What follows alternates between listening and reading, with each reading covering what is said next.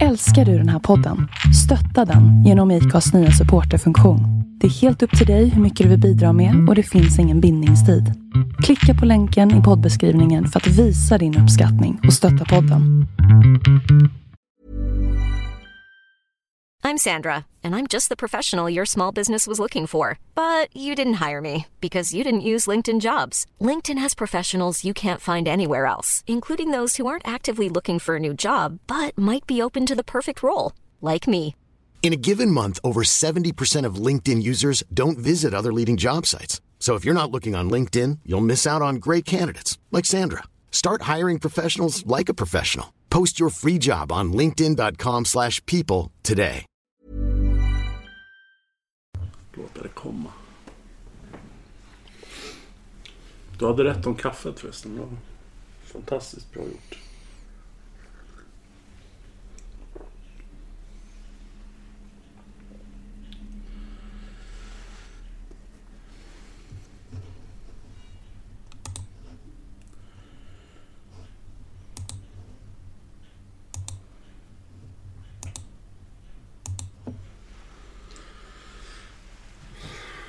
Ska du säga något eller ska vi spela in ljud?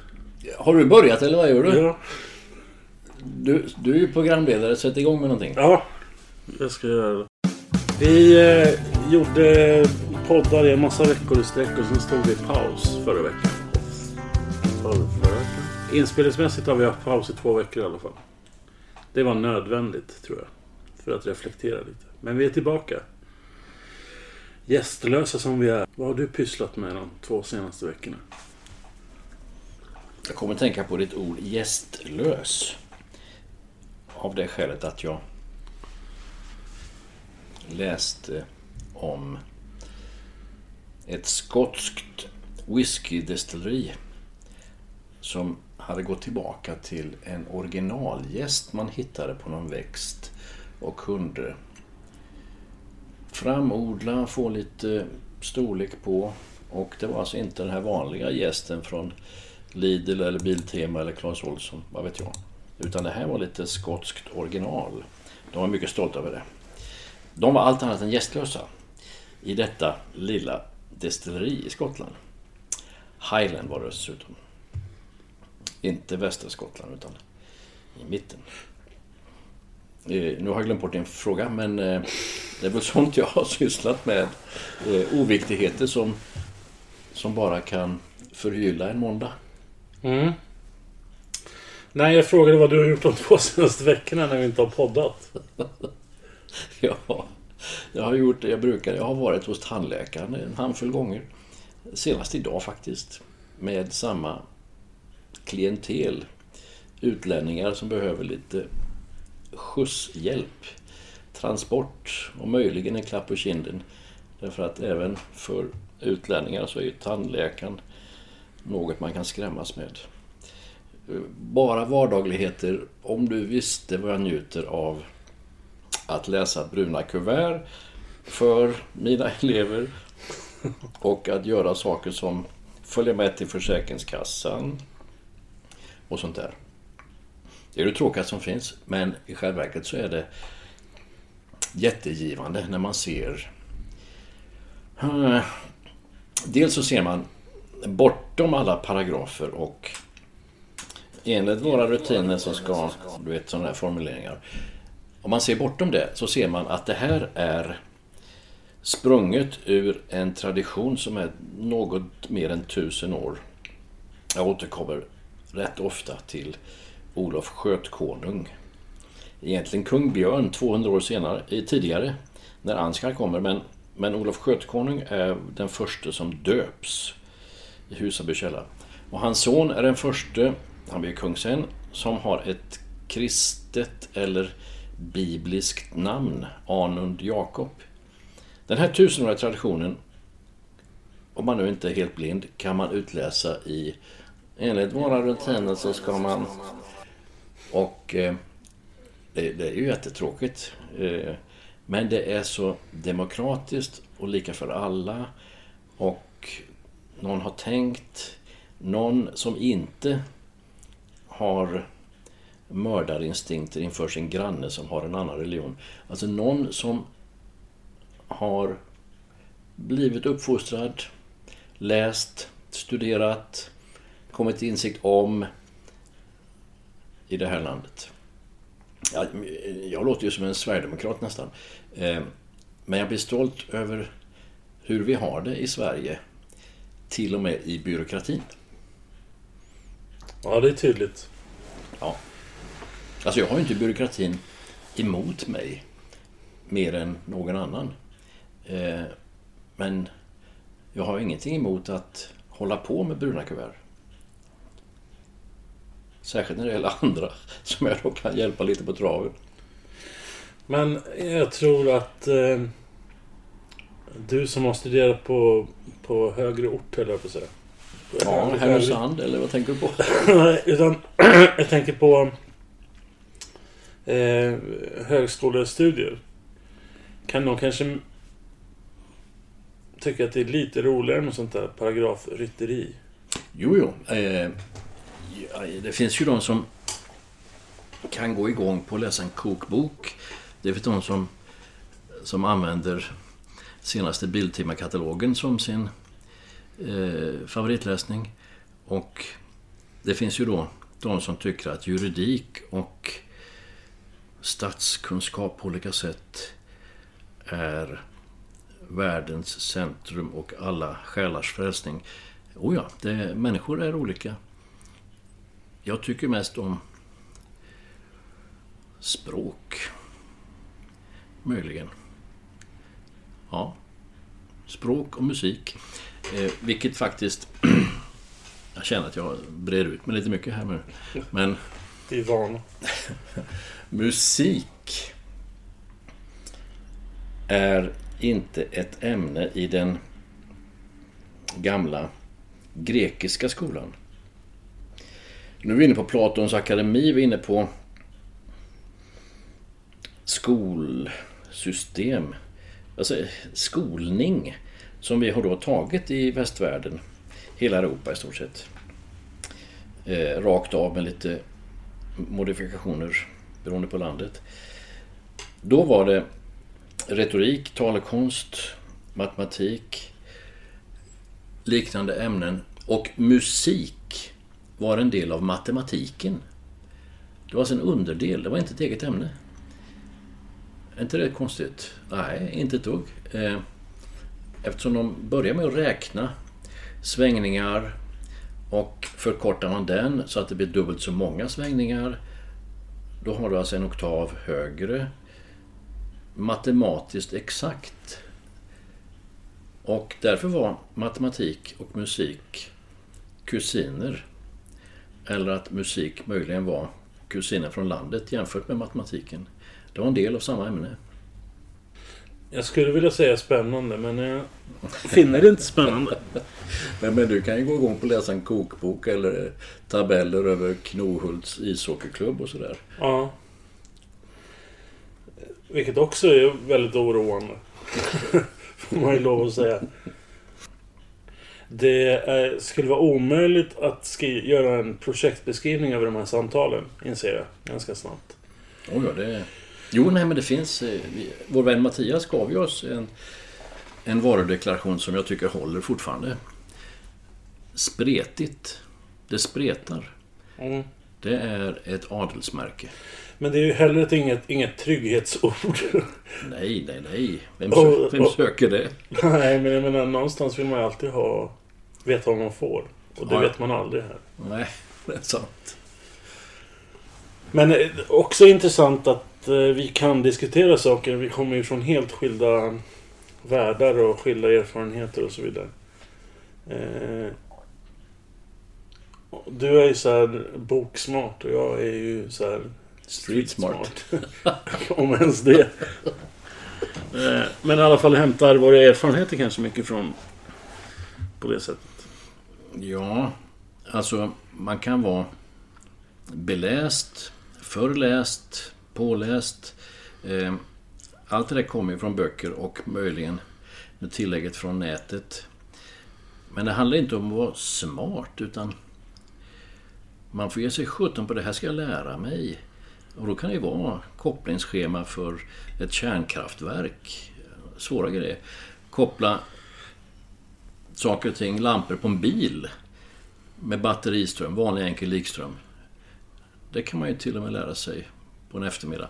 Men att koppla elektrisk ström ifrån Vattenfall och neråt landet, det kräver lite mer. Men man måste ge sig den på att lära sig det. Eller att Caesar dog den 15 mars 44 f.Kr. Det är på torsdag. kom man just på. Eh, det ena är ju inte bättre än det andra. Möjligen så är det mer praktiskt att kunna koppla hel, än att veta när Caesar dog. Men att veta när Caesar dog och hur många slag, knivhugg han fick och varför och vad det skedde och att dessutom ha varit där på platsen. Sånt där är lite givande. Även om inte det är så praktiskt betydelsefullt för andra. Ja, fast det, det där kan ju vara lite, lite både upp och ner. Jag menar att allt hänger på vilket sammanhang man använder sig av den kunskapen. Ja, alltså, det, ja. det är, är du i, på en gudstjänst så är det ingen som drar nytta av att du vet hur man drar ström. Liksom. Jo. Lamporna lyser, någon pratar i mikrofon. Allt det där. Ja, men det är ingen i din omgivning som bryr sig om det. Nej men det fungerar. Ja. Men det är det jag menar liksom. I rätt sammanhang är kun, liksom olika typer av kunskap viktigt. Som kan te sig meningslösa i, i andra sammanhang. Ja. Bara, bara när de finns så att säga. Det är jä- Det är jättemeningsfullt att lampor lyser. Det är jättemeningsfullt att, att mikrofonen är på och sådär. Och att, att den fungerar. Ehm, Men att det blir meningsfullt först när de inte fungerar. Mm. För då märker man, oj, Ungefär som när Pekka inte var här. Eh, ingen vet ju alla små grejer som han gör. Men när de inte fungerar, ja, då är det många som ifrågasätter varför det inte fungerar. Men jag har ett annat exempel också. Jag, jag har ju skrivit en bok som heter Mitt meningslösa liv. en bra titel. Ja. Som eh, du är upphovsman till. Jag kan tro det. Eh, och... ehm, då la jag ut den gratis eftersom det var inget förlag som nappade. Så la jag ut den gratis på min blogg. Och så var det då, jag vet inte, 30-tal som laddade ner den eller någonting sånt där. Och sen igår då så var det en kvinna som vi båda känner. Som eh, sa så här, men jag kan inte förstå varför inget eh, förlag nappade på det. Och eh, jag kan fullt förstå varför ingen nappade på det. För att den är bara intressant om man känner mig. Eller har träffat mig. Eh, eftersom, eftersom det är utifrån eh, de erfarenheterna som jag berättar och, och skriver om. Eh, och lite så är det ju med all kunskap. Ja, ja. Alltså nu har jag läst den här boken och den är intressant även för någon som inte känner dig. Även för någon som inte ens bor i Sverige. Jag är säker. Eh, Men den blir intressantare. Mm. Oh ja, självklart. Det är man- synd att du inte jobbar på förlag då. Om man kan relatera till och sådär. Mm. Eh, Här, här ska du få... Jag är tillbaka till Caesar nu. Meningslösheten i att veta när han dog och hur han dog och varför och vad han sa. Han sa det förresten på grekiska. Han sa inte även du min Brutus. Ett tu Brutus. Han sa kai sy teknon. Också du mitt barn. Eh, för grekiska var nämligen överklassspråket i Rom. Och latinet var vem som helst språket i samma stad. Så överklass, Danderyd, och Östermalm, Caesar, han använder grekiska när han dör. I alla fall, han efterträds av en som heter Octavianus, adopterad, och eh, denne blir då en kejsare. Det är egentligen den första kejsaren. Efter ordet Caesar, namnet Caesar, så får vi då kejsare. Så Octavianus han blir kejsare nummer ett i Rom. Och blir så upphöjd så att han byter namn till den upphöjde. Och det i sin tur, det är Augustus på latin. Den upphöjde. Han tar sig det namnet. Och blir då känd som kejsar Augustus. Och då är vi ju inne på tidernas morgon, världens frälsning, navet i all historieskrivning. Och det hände sig vid den tiden att från kejsar Augustus utgick ett påbud att hela världen skulle skattskrivas. Detta var den första skattskrivningen och den skedde när Quirinius var landshövding över Syrien. Och så vidare, Lukas 2. Nu föds Jesus under Octavianus, det vill säga Augustus tid. Det vill säga adoptivsonen till Caesar som dog 15 mars. Och allt det där tog kanske två och en halv minut att berätta. Men då är vi nere på vår egen nivå. För att nu får jag ta ställning till Jesus. Nej, inte intresserad. Eller, ah, vad de tjatar.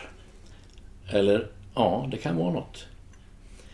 Och vi i vårt mätta, ganska utspädda och mätta fosterland med dess fina byråkrati. Vi har inte lika mycket omedelbart behov, nödvändighet, sug efter Jesus som man har i Afghanistan, Iran, alla arabländer där det är förbjudet. Där det inte är tillåtet med mindre än att man dör. Jag såg en eh, bild på nätet igår. Det var en filippinsk församling som hade vatten upp till eh, midjan. Och ändå gick eh, på sin gudstjänst. Alltså deras kyrka var fylld med vatten. Jag höll på att säga någonting om utspädd där, men det ska Ja. jag inte göra. Men eh, det kan ju vara en fejkad bild också. Man vet aldrig.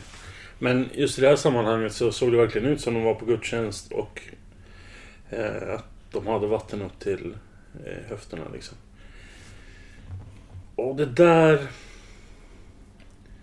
väcker lite tankar. Alltså dels här, vilket enormt intresse de har för sin tro i andra länder där de inte har den här äh, lyxen som vi har i det här landet.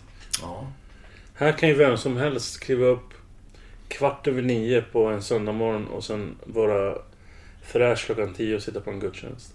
Ja. Men många väljer att inte göra det. ja, de flesta vill att inte göra det. Ja. Eh, samtidigt som eh, människor... Vi har ju en kille här i vår församling, Omid, som har fått lämna väldigt välbetalt arbete som någon sorts in- vatteningenjör av något slag. Eh, fly med sin familj bara för att han är kristen, tror på Jesus. I ett muslimskt land, ja. Ja. Eh, och för honom är det ju betydelse, alltså betydelsefullt att gå och skura här. ja. Det betyder så här jättemycket för honom. Ehm, för att han, tro, han trodde inte att han skulle få den möjligheten. Liksom. Och, sku, och nu är det ju verkligen så här i vågskålen om han, han som inte ska få stanna här. Just den här veckan. Så det får man verkligen ha förbön för. Och eh, jag, sitter, jag tänker på det där ganska ofta. Att vi är så privilegierade i det här landet. Att eh, vi får saker och ting serverat. Men för oss är det så här, nej men. Facebook, Twitter och Instagram är det som är viktigt. Eh, och det- gestaltar, gestaltar ju också samhället på något sätt. Där vi tror att det vi ser på Instagram, vi ser jättelyxiga Folk är jättevältränade och de äter världens restaurangmat och sådär. Men det är ju 10 sekunder av deras dag. Och så tror man liksom att det sätter standarden för hur deras liv är. Och, och någonstans i det där ser man bara en längtan efter att bli sedd liksom. Ja, bekräftelsebehovet är ju märkbart. Bekräftelsebehovet är ju märkbart av det skälet att Instagram, Facebook och Twitter finns överhuvudtaget. Eh, och sen så vill man då sprida information. Och det är ju smidiga kanaler att göra det med. Alla kan nå det över hela världen på ett knapptryck. Inte långsammare än så. Eh, Men bekräftelsebehovet är tydligt. Och då kan man ju flika in att vi också nu finns på Instagram. Om det är informationsspridning eller bekräftelsebehov. Som, som om vi hade något bekräftelsebehov. You tell me. Ja. Ja. Men där finns vi i alla fall. För det är tydligen viktigt i dessa sammanhang. Ja, men det, det är inte fel. Eh, Och att bli bekräftad är inte fel.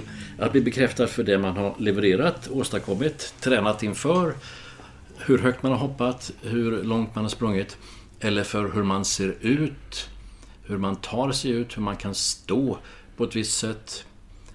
Du hör att jag delar upp saker och ting i manligt och kvinnligt här va? Eh, Men bekräftelsebehovet finns alldeles naturligt och självklart. Och så finns det de som är överdrivet blyga, generade för allting. Slår ner blicken och sådär. Men även sådana människor i sin charm har ett behov av att bli sedda. Eller möjligen hörda.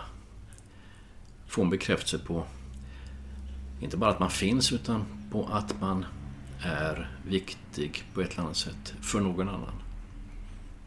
Och då borde liksom steg ett vara gå till kyrkan och, lyssna på Guds ord. Liksom. Mm. Det tycker För- du och jag. Ja, men alltså för att det är ju nummer ett i att bli sedd. Och Ja, bli det är det. Det är det verkligen. Eh, det är det verkligen. Alltså jag, jag blir lite undervisad av dig och din annorlunda bakgrund här. Aldrig tänkt på det på det sättet. Men alldeles rätt. Ja, men på något sätt så blir det ändå utsuddat. Alltså, många gånger så, så när man pratar om eh, kristenhet och man pratar om kristna människor och kristna sammanhang så blir det här eh, genuina budskapet som allting handlar om blir utsuddat och så tas de här stereotyperna fram istället. Ja. Eh, I vår kyrka, bara under den här våren, så har vi sett otroligt många nya människor komma hit. Ja.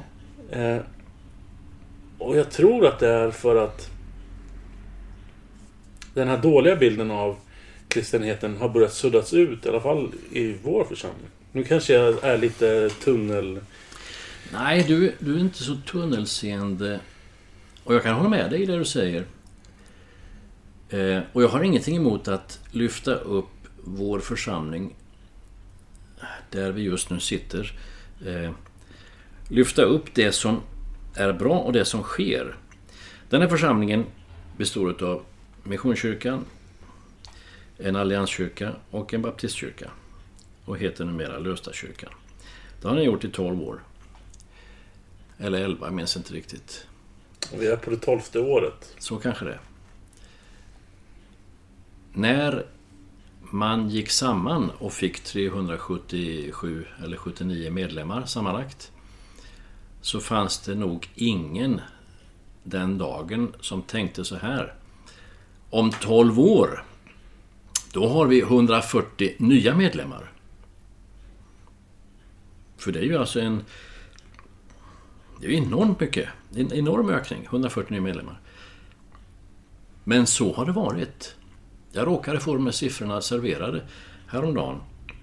Det har gått med i genomsnitt, fast i olika klumpar och högar, en person i veckan formellt gått med i denna församling. I 12 år. Det är 130-140 stycken. Under tiden så har det dött ut, gått hem till Gud. Några har flyttat härifrån och flyttat till andra församlingar. Några har tackat för sig.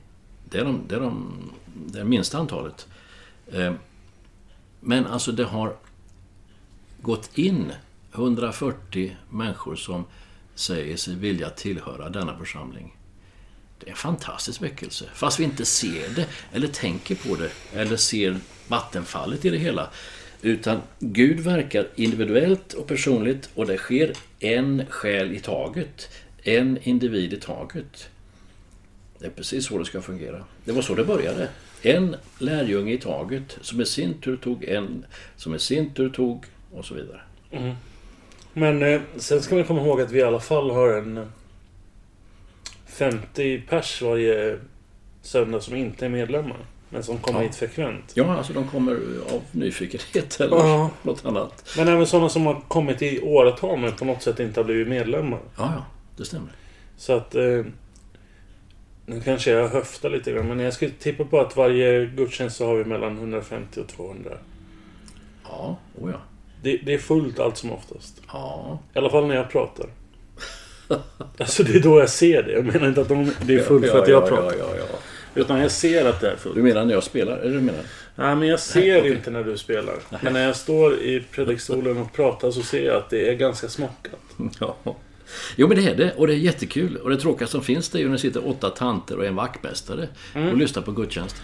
Men eh, det här förstör ju det jag tänkte säga nu.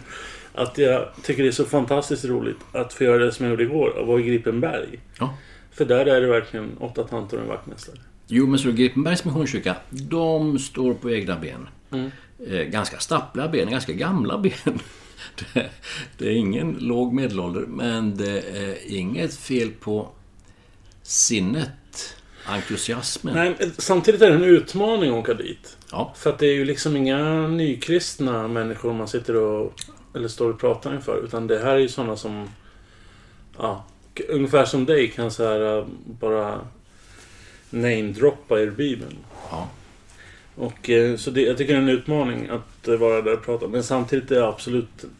Det är roligare att vara där och prata än att vara där och prata i Löstakyrkan. Tycker jag. Ja, jag kan nog förstå din tanke. Eh, och eh, bland annat för att jag, jag gillar Gripenberg kraftfullt. Jag gillar Gripenbergs missionskyrka och dess medlemmar så få de är. Och jag gillar deras klipp och intresse för att sprida evangelium. Det påminner ju väldigt mycket om det som Josefin Lennartsson eh, står inför. En, en åldrande församling som ja, vandrar mellan att vara halvvaken till att vara fullständigt apatisk. Liksom. Eh, men just i Gripenberg så gör de ju, de gör ju så otroligt mycket runt kyrkan. Och deras scoutverksamhet är ju läskigt bra för att vara så liten tycker jag. Och påverkar hela byn. Mm. Det tror jag man kan säga. Och nu när man pratar om att slå ihop Linderås och Gripenbergs skola så kanske tror jag att det kommer bli ännu viktigare. Deras... Ja, Om jag någon gång blir pastor så skulle jag bli pastor i en sån församling. i Gripenberg. Ja, där, för där är det är inte kyrkan och, och stället separat utan det är samma sak. Ja, ja. Det är eh, goda syskon. Eh, Det är det verkligen. Mm, intressant tanke med en liten ort. Det finns egentligen en... Eh, jag pratade igår med en människa om Askeryd. Ännu mycket mindre ort. Mycket vacker plats. Där finns det en lit, ett litet missionshus som inte har lagt sig med näsan i vädret utan är jätteaktiv med de medel och steg man nu tar. Tre medlemmar, Ja relativt hög medelålder. Om man räknar 80 plus som hög. Det är ingen dålig skock heller dessa tre. Ja, Men det, det finns ju många sådana små... De blir färre men det finns ganska många sådana små just här i trakten. ja, oh ja. i hela Småland. Och Oh ja. Sune som vi hade för någon vecka sedan på besök. Han kom, har ju precis gått in i Löfstadskyrkan men har varit eh, aktiv i... Rydängskyrkan Ja, i Rysnäs. och de är typ åtta. Ja, och eh, präglar byn Ja. utan tvekan. ja. Men vad är det de... Är det, varför präglar de by? är ju det intressanta i sammanhanget. Mm. Kan inte svara på, men eh, de gör det. Mm. Om, det, det ena kan ju vara att det är väldigt, ett väldigt litet ställe. Ja. Och utbudet är relativt Ja. eh, litet också.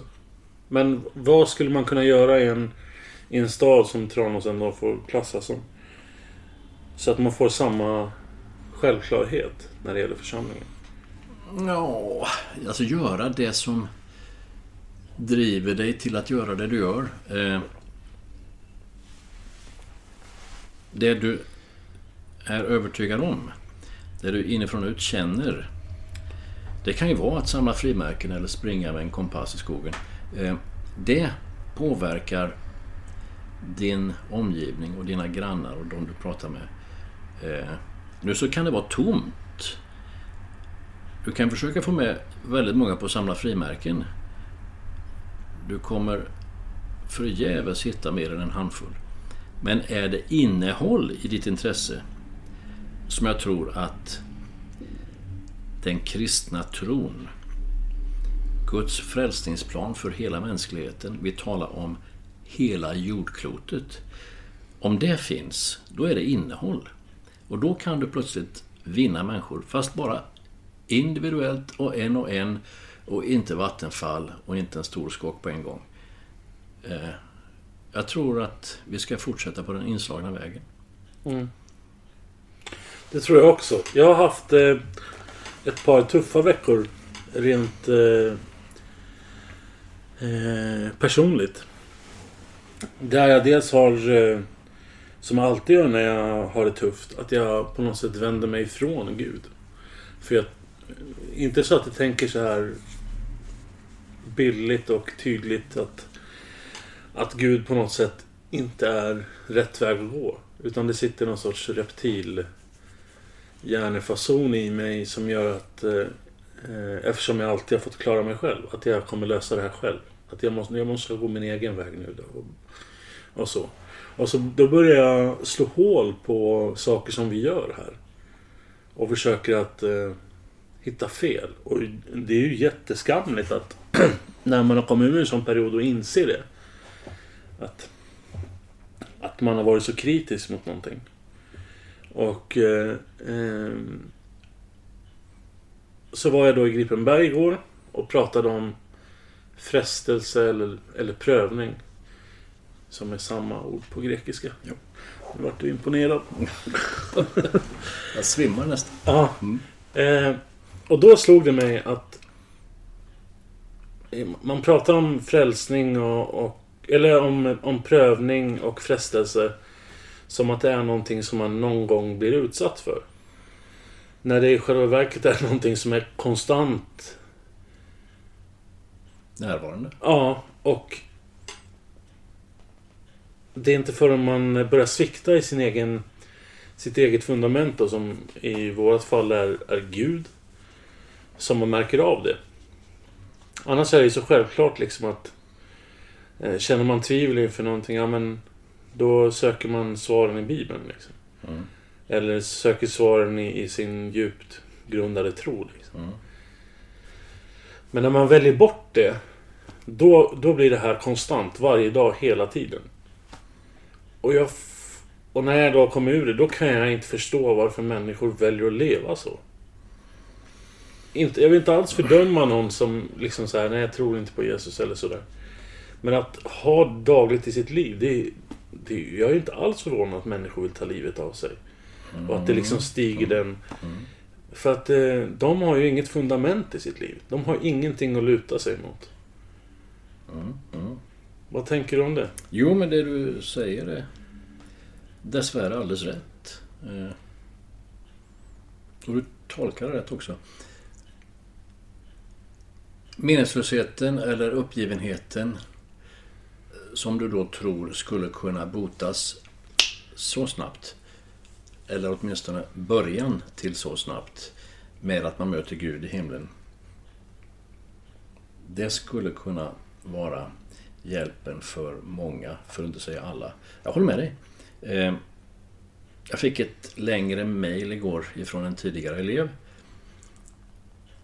Där hon bara beskrev sitt liv och sin situation. Det var ett tag sedan vi pratades vid eller mejlade. Och eh, lägger ner viss möda på sin närmiljö och en del som hon har fått släppa på och hjälpa och ta hand om och sådär. Hon gör ett jättefint arbete. I motvind och uppförsbacke och, och med allt och alla emot sig. Och har en inte helt lätt bakgrund själv. Och nu jobbar hon och är färdigutbildad och allt det där. Så hon har goda förutsättningar. Jag skrev tillbaka att hon gör det bra och att framtiden ligger före men jag tänkte när jag skrev det som jag har talat med henne om massa gånger att Lilla vän, om du bara hade Jesus med dig så skulle ditt liv vara väsensskilt. Hon skulle säkert göra samma sak och lika bra, men hon skulle ha en annan blick för det hela, ett annat sätt att andas, en annan atmosfär, ett annat sätt att vakna på morgonen. Med Jesus i ryggmärgen. För så är det. Ja, alltså det går inte att jämföra. Ja, du kan ju jämföra med ditt eget liv. Mm, nej, men det går inte att jämföra. Alltså det, det är så vitt skilda saker och man kan sitta på samma stol men se två helt olika världar. Och Ja. det, det är liksom... Jag, jag kommer ihåg när jag inte hade funnit tro och, och jag mötte sådana människor. Då trodde jag på riktigt att eh, de hade någon sån här heroininjektion som konstant gick in i kroppen. För att... eh, Och så är det. Att, att leva med, med en stark tro som, som speglar allting i ens liv. Det är som att konstant gå på heroin. För Jag, kan- jag kan inte säga emot dig. för att Som det... tur är. Nej. Men alltså det... För man får en sån injektion av... eh, Av kärlek och värme hela tiden. Av alla människor man möter. Det behöver inte vara kristna människor. Ehm, och det går inte att jämföra med någonting annat. Och att leva utan det, det är så tomt så att... eh, det är inte konstigt att folk blir korkade och gör dumma saker liksom. Du får kärlek och värme av människor nu i din nya gudstillvaro. Även från de som inte är kristna. Av det skälet att du mött Gud. Av det skälet att jag går in med en helt annan inställning när jag möter människor. Ja. För att eh, jag... Den stora skillnaden är att jag väljer att se gott i människor. Jag väljer att se det gemensamt med människor istället för att peka ut deras brister eller se dem som en, som en bristfällig skapelse. Liksom. Och väljer man då att eh, vara jämbördig med människor. Då har man ju ingenting kvar att kritisera. Då kan man bara bjuda in.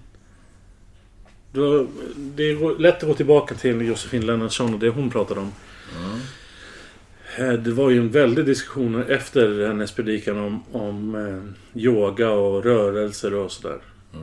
Och lite så är det ju med, med människor i samhället också. Man kan ju välja att se vad dum, alla dumma saker som de gör. Eller så kan man välja att se det som är positivt. Om, om jag ser... eh, Om jag är ute och går och det blåser och en, en skylt blåser ner. Och så plockar man upp den. Då kan jag välja att se den goda handlingen. Inte liksom eh, börja tänka att ja men han lyfte upp den här skylten bara för att det skulle synas liksom. Bara, bara för att visa hur vänlig han är. Eh, så, så allting handlar om perspektiv. Och med Jesus och med Gud och med Bibeln och med ordet och med vägen så får man ett annat perspektiv på livet. Man får ett annat... Och allting handlar om syfte i grund och botten. En människa som inte har funnit Jesus är syfteslös. Gör, gör saker på måfå. Medan en person som har känt Guds kärlek och, och fått betyda någonting gör saker mer distinkt och med, med ett syfte som inte går att mäta med någonting annat. Mm. Du, det är... Det är väsentligt och det är innehållsrikt att bara sitta och lyssna på dig. Uh, nu sitter vi ju här för att folk ska lyssna på oss. Men jag sitter här och lyssnar på dig och noterar att han är inte dum. Han eh, har en del att leverera. För 17. Ja, det är det snällaste du sagt på två år. Det, Ja, jag känner mig lite dum som säger sådana snälla saker. Men Sådär bara, utan vidare. Ja, men du har rätt i det du säger. Jag har aldrig tänkt på det med syfte. Det låter ju förskräckligt. En människa utan Gud är syfteslös. Ja, Ja, men alltså det... Man, jag tänker så här, det finns ett engelskt uttryck, eller ett amerikanskt uttryck. Som kallas för eh, Random Act of Kindness. ja, Det är människor som inte har mött Jesus. ja. Alltså att man gör någonting slumpmässigt. Eller av en händelse. Och man Eh. gör det gott och vänligt och snällt. Ehm, och så finns det människor som har mött Jesus som har det som livsstil. Fast de kanske inte tänker på det. Nej, eller? nej, nej, absolut inte. Och det, det är en av de grejerna som jag har skrivit om också. Att att eh, människor som kommer hit till kyrkan varje vecka och hjälper till med olika diakonala insatser etc. etc. De gör det inte för att eh, eh, det är något sånt där godhetsknarkare liksom på något sätt. Utan mm. de gör det för att det är i deras personlighet. Att de mm. vill göra det. Att de, och de gör det utan att tänka på det. Mm. Och likadant när vi kom hit till kyrkan och varit omfamnade av en massa människor som vi aldrig hade träffat tidigare. Det är också sådär, de gör inte det av någon specifik anledning utan för att det finns i deras DNA på något sätt. Du och fyra barn blir omfamnade. Eh, ja. ja. Det, det är så det ska fungera. Då är det bra. Mm. Då är vi långt ifrån skogen och kompassen. Ja. Eh, då är vi inne på äkta vara här. Men eh, vi står ju fortfarande och stampar med samma problem. Att hur lyckas man sprida det här? För att jag menar, det, det finns ju ingen människa i hela världen som inte vill bli omtyckt eller omfamnad eller... Sedd och bekräftad. Äh. Ja. Hur vi ska gå tillväga? Mm. Mm. Ja, jag, jag, jag, måste... Jag måste ta ett citat här. På franska den här gången. Och det är ingen mindre än Voltaire som skriver detta. Ceci sera donavera ma musique. Visst lät det rätt bra? Okej. Okay. Ja. Det är Voltaire som skriver i, en bok om den svenska kungen Karl XII, Charles XII. Och då skriver han då att detta ska hädanefter bliva min musik. Det där har Karl XII aldrig sagt. Men eh, alla vet att Karl XII har sagt det därför att Voltaire skriver att han har sagt det. Ehm, de träffades ju aldrig. Det är inte någon sån där grej. Utan det har bara blivit så att Karl XII sa detta ska efter bliva min musik.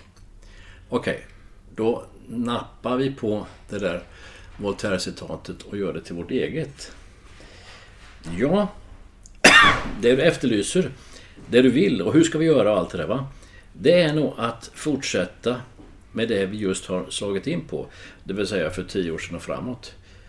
Vinna människor outspätt och äkta. Så att de ser att det han tror på, det tror han på. Det där kanske är något. Inte hyvla ner trösklar, inte och så vidare. Utan det här budskapet, det här erbjudandet, den här verkligheten man kan leva i. Den kommer så här. Sen är paketeringen inte viktig. Eh, inte alls. Det finns bara en tro, det finns bara många hus. Eh, så paketeringen är inte det väsentliga och ska heller inte vara något hinder. Utan det viktiga är att det du tror på inifrån och ut hörs, syns, visas i det att du lyfter upp en skylt som har blåst ner och så vidare. Ja. Ceci sera donavera ma musique. Kommer du ihåg det? Mm, det låter som flamberade musslor. Ja. Nej, men alltså jag tror ändå att paketeringen i det här samhället blir viktig. För att är det inte paketerat på ett eh, attraktivt sätt så kommer människor inte... Alltså människor som inte har upplevt den här kärleken, de kommer aldrig ens att sätta sin fot. Nej, alltså man kan ha ett... Eh, ett lockerbjudande. Alltså att paketering är snygg utan att vara glättig och falsk och sådär. Vi talar inte om begagnad bilhandlare här utan det vi försöker sälja är äkta vara. Migrationsprocesserna. Är du mer hoppfull nu än du var för ett och ett halvt år sedan i de processerna än efter alla skandaler med Migrationsverket och deras handläggare och diverse? Ja, ja, inte mer positiv är jag inte. Eh, men det har att göra med att jag var ganska positiv tidigare. Och alla utvisningar och alla... Eh, allt som skrivs om utvisningar av ensamma pojkar från Afghanistan. Sällan det skrivs om utvisningar till Somalia. Det skrivs nämligen aldrig, för det sker inte. I Danmark sker det, men inte här. Eh, det har inte varit så många. Det är många som har det hängande över sig som ett damoklessvärd att bli utvisad. Det finns en del som sitter i förvar och det är ju sista steget innan man går upp på flygplanet. Men det är så kostnadsineffektivt att utvisa en enda grabb ifrån Afghanistan. För då måste det vara två tjänstemän från Sverige som åker med på samma plan per utvisad individ. Som i sin tur då ska ha den helt vanliga lönen och den helt vanliga ersättningen och traktamenten och vi ska bara inte tala om vad det kostar att chartra ett plan med 25 pojkar. Eh, så av det skälet, det talar man sällan om, så är det kostnadsineffektivt och det är billigare att ha dem här, om så i förvar. Eller om så i, på ett boende i Knohult någonstans. Det är mycket billigare. Och nu, jag ska ju iväg i övermorgon ner till Migrationsverket i Malmö och jag ska bara åka bil, skjutsa helt enkelt. En del av min tillvaro som jag nämnde förut. Jag är ganska eh, lugn och trygg i att den jag skjutsar kommer att få sitt permanenta uppehållstillstånd. Eller tillfälliga uppehållstillstånd, vilket du vill. Och att eh, Omid, som du nämnde, kommer få sitt utan min skjutshjälp naturligtvis. Han tar sig på egen hand. Eh, men det här är lite praktiskt viktigt att vara klockan nio på morgonen i Malmö på Migrationsverket. Då kan man bara inte sätta dem på tåget dagen innan och hoppas att han kommer fram. Det går inte. Så jag är ganska positiv. Rättare sagt, eh, tror man på Gud så kan man be till Gud. Vad tror du? Eh, sen finns det ju en och annan, inte fullt så solskensartad historia där de utvisningsbeslutade individerna verkligen blir utvisade. Eller en ännu värre historia där en med detta hängande över sig tog livet av sig i Jönköping under loppet av förra året. Sådana finns också. Men det kom hit 23 500 pojkar 2015. Det kom hit 163, har man minns rätt, tusen överhuvudtaget. Det innehållsrika året. Och det där är ju en industriell nivå på att bara hantera dem. Hysa, styra och ställa med papper hit och dit. Så att man kan bara inte säga stick och så är de borta. Nej, de råkar vara här och vi gör det vi gör när vi tar hand om dem. Ja, alltså under min tid här så har jag ju inte varit med om att någon i församlingen eller anknytning till församlingen har blivit utvisad. Nej, det talar lite grann för att Gud i himlen hör det vi ber om. Ja. Eh, däremot så har jag varit med om några som har fått permanent. Ganska många. I alla fall en handfull. Jag har varit med om folk som har fått eh, temporära och jag har varit med om folk som har fått det då tack vare gymnasielagen. Ja. Eh, men jag har en oroande känsla när det gäller Omid, tyvärr. Okej. Okay. Och det har ingenting med Omid att göra. Absolut inte. Men på något sätt så känns det som att det här med konvertiter, när det är tydligare så här konvertitanledningen. Att den, fort, den, den anledningen kraftigt är devalverad liksom. Ja. Eh, och det gör mig lite orolig. När jag ser att han är så genuin och så äkta och så god och liksom allting. Det, är, det går inte att spela det han gör. Liksom. Mm. Man kan möta Gud i himlen här i Sverige. Hur ovanligt den låter. Och det har hänt ett flertal gånger. Redan här i Tranås. Och i övriga Sverige naturligtvis ännu fler gånger. Det kan Migrationsverkets skeptiska handläggare se på med sina skeptiska ögon att jaha, här försöker de en räddningsplanka, här försöker de... Eller så kan man möta Gud i himlen redan i sitt hemland och av det skälet lämna hemlandet. Mm. Det är lite tyngre och något svårare att finta bort som en räddningsplanka. Men då, måste man kunna verifiera att man har flyttat den anledningen. Ja. Och det är där det blir komplicerat. Ja, ja. Det blir ju bara att man berättar. Mm. Och sen så detta. är det ett, ska man göra det på ett språk som man inte behärskar. Ja, men det är alltid tolkat och sådär. Men då, då har du också ett filter för då sitter en muslimsk tolk och tolkar. Ja. Så redan där har du... Och det har, man, har vi också läst och hört om att eh, de inte tolkar det man säger. Då har vi ju Ja. killar i vår församling som har sagt att men nu tolkar du fel. Liksom. Ja. Eh, och hade de inte uppmärksammat det så vet man inte om de hade fått. Nej, precis. Så att det, det är, många variabler där som inte känns supertrygga. Ja, ja. Jag håller med dig. Men eh, eh, jag lyssnade till Niklas Pienzos eh, predikan från förra söndagen. Eh, där han pratade om vikten av förbön. Och vad, vad det egentligen betyder och sådär. Och eh, han berättade om eh, Johannes evangeliet och då är man... Eh, där han avslutar egentligen med en sorts förbön för... Eller Jesus ber en förbön för, för Johannes liksom. Mm. Och eh, ibland tar vi nog inte bön på så stort allvar som vi borde göra. Alltså. För det är egentligen vårt enda vapen emot all Ja. liksom.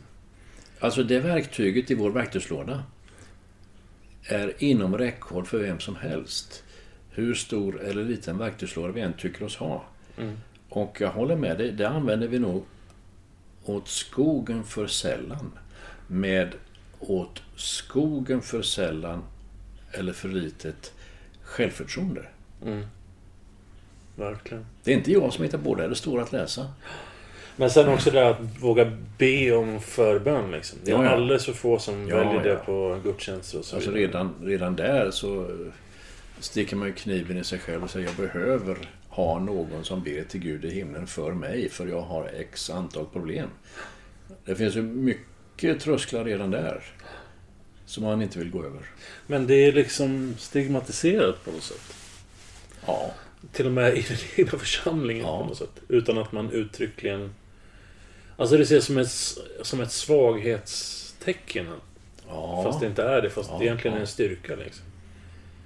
Ja. Styrkan ligger i att erkänna jag har det här behovet. Och sen får man då som klapp axeln styrkan av att Gud hör och svarar på bön. På det sättet han gör. Det behöver inte vara det sättet jag önskar eller det jag hade tänkt utan på ett bättre sätt. Ibland glömmer man bort vad alla... Det gör man ju generellt i livet också. Från gång till gång. I alla fall jag. Att eh, jag glömmer vilka verktyg jag har i min arsenal. Ja, ja, ja. Det blir någon sorts... Och då blir ju saker och ting ohanterliga. Om man inte använder det man, det man har. Liksom. Hörru du, du får eh, ta och avrunda det här. På ett klassiskt Carl Gustaf-sätt. Ja. Om Voltaire är känd och om det där citatet är halvkänt så kommer ett citat som är något mera känt.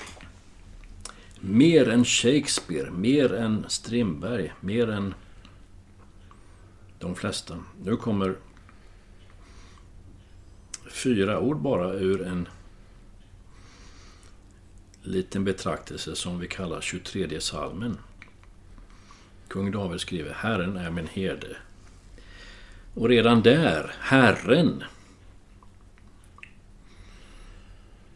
är. Det händer nu alltså.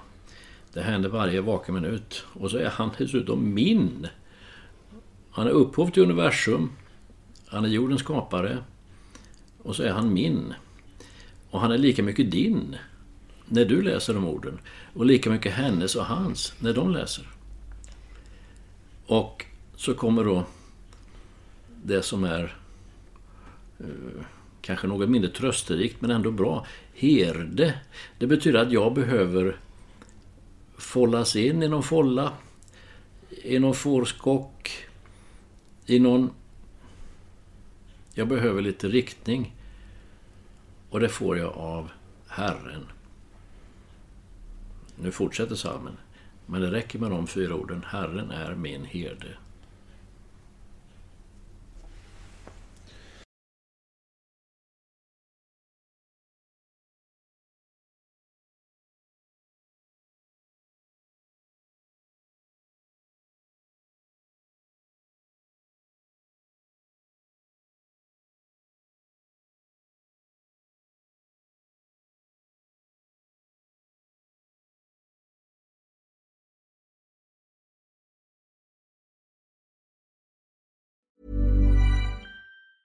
A lot can happen in three years, like a chatbot may be your new best friend. But what won't change? Needing health insurance. United Healthcare Tri Term Medical Plans, underwritten by Golden Rule Insurance Company, offer flexible, budget friendly coverage that lasts nearly three years in some states. Learn more at uh1.com.